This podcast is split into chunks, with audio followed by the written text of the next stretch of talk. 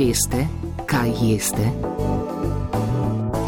Redko kateri vitamin ima toliko različnih imen, kot jih ima ta, ki ga obravnavamo v tokratni rubriki.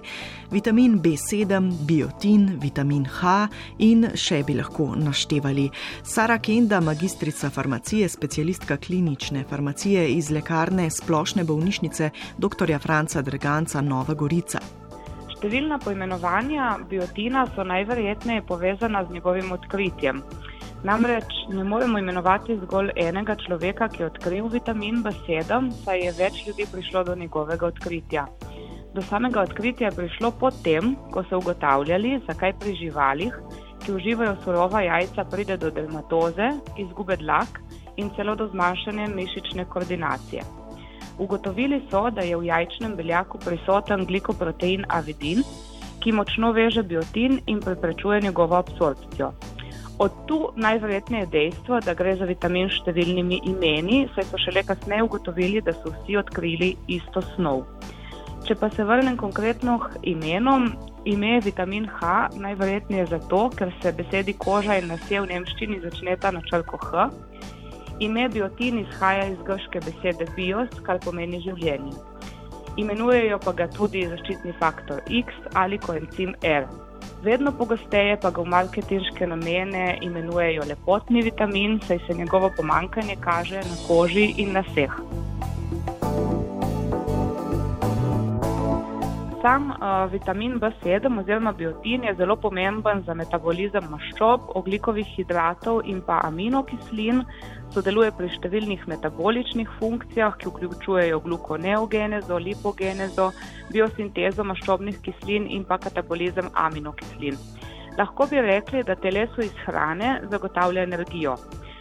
Je pomemben tudi kot regulator izražanja genov, preučujejo pa tudi hipoteze, da je biotin udeležen pri prenosu žilčnega impulza po žilčevju. Hipotetično, če naša prehrana ne bi bila dovolj raznolika, vsebovala živil, ki jih bomo omenili kasneje, ali recimo, če bi redno uživali surov jajčni beljak, je znakov pomankanja tega vitamina kar nekaj.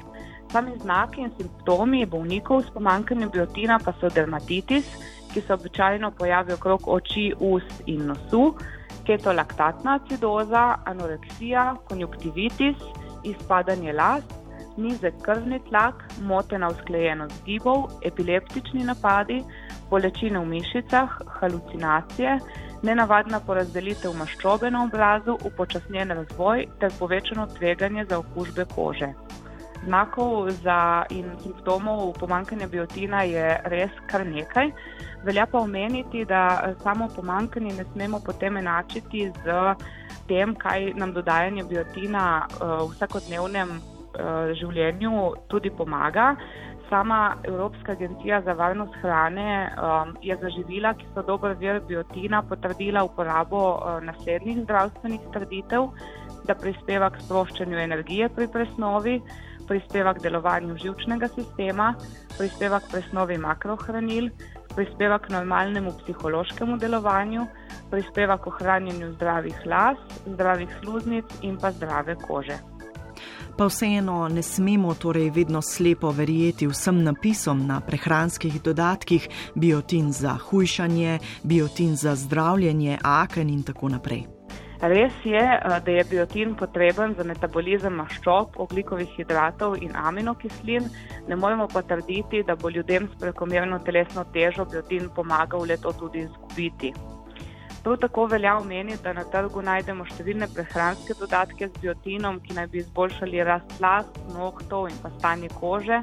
Najdemo ga tako samostojno, kot uh, veliko krat je vključen tudi v multivitaminske dodatke samih študij, ki bi potrdile pozitivne učinke na kožo, lase in nohte, pa ni, zato so potrebne nadaljne študije na zdravih odraslih.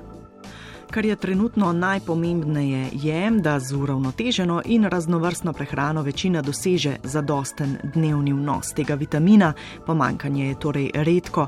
Priporočen dnevni vnos pri odraslih je približno 50 mikrogramov. Sam razlog, da ga s hrano zaužijemo dovolj, pa je tudi v tem, da je telo uh, sposobno samo sintetizirati biotin, hkrati pa ga je sposobno tudi reciklirati. telo ga je v bistvu sposobno tako presnoviti, da ga je lahko uh, ponovno uporabiti. Biotin najdemo v številnih uh, živilih, v največji meri pa je prisoten v jetrih, kvasu, soji, pšeničnih otrobih, jajcih, orehih, gobah in nekaterih vrstah sirov.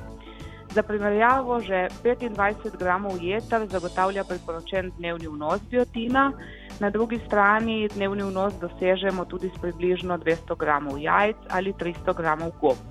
V drugih živilih pa ga je precej manj.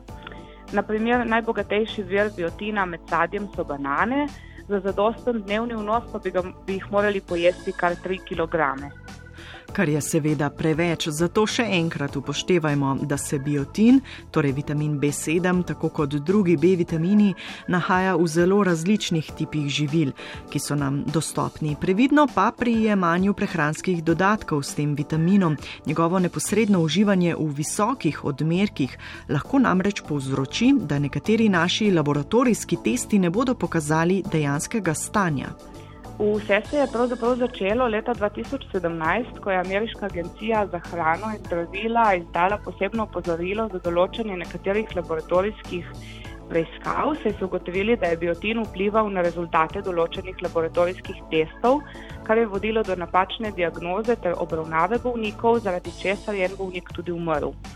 Rezultati testov, ki so lahko spremenjeni, so številni in vključujejo hemogram, endokrinološke preiskave, kot so naprimer ščitnični hormoni, teste, ki se pogosto določajo v urgentnih preiskavah, kot naprimer troponin, teste z področja kostnega metabolizma, infekcijskih bolezni ter toksikologije.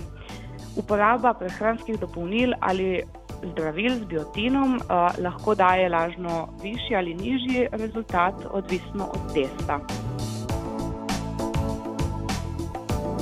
Toksičnost biotina uh, je sicer majhna in dnevni odmerki, ki se uporabljajo tudi za zdravljenje hudega seboroičnega dermatitisa pri otrocih, pri posledicah uživanja surovih jajc ali pa pri prirojenih metabolnih bolezni, uh, so višji od dnevnih vnosov vseeno pa o sami toksičnosti biotina v takih odmerkih še ni priporočil.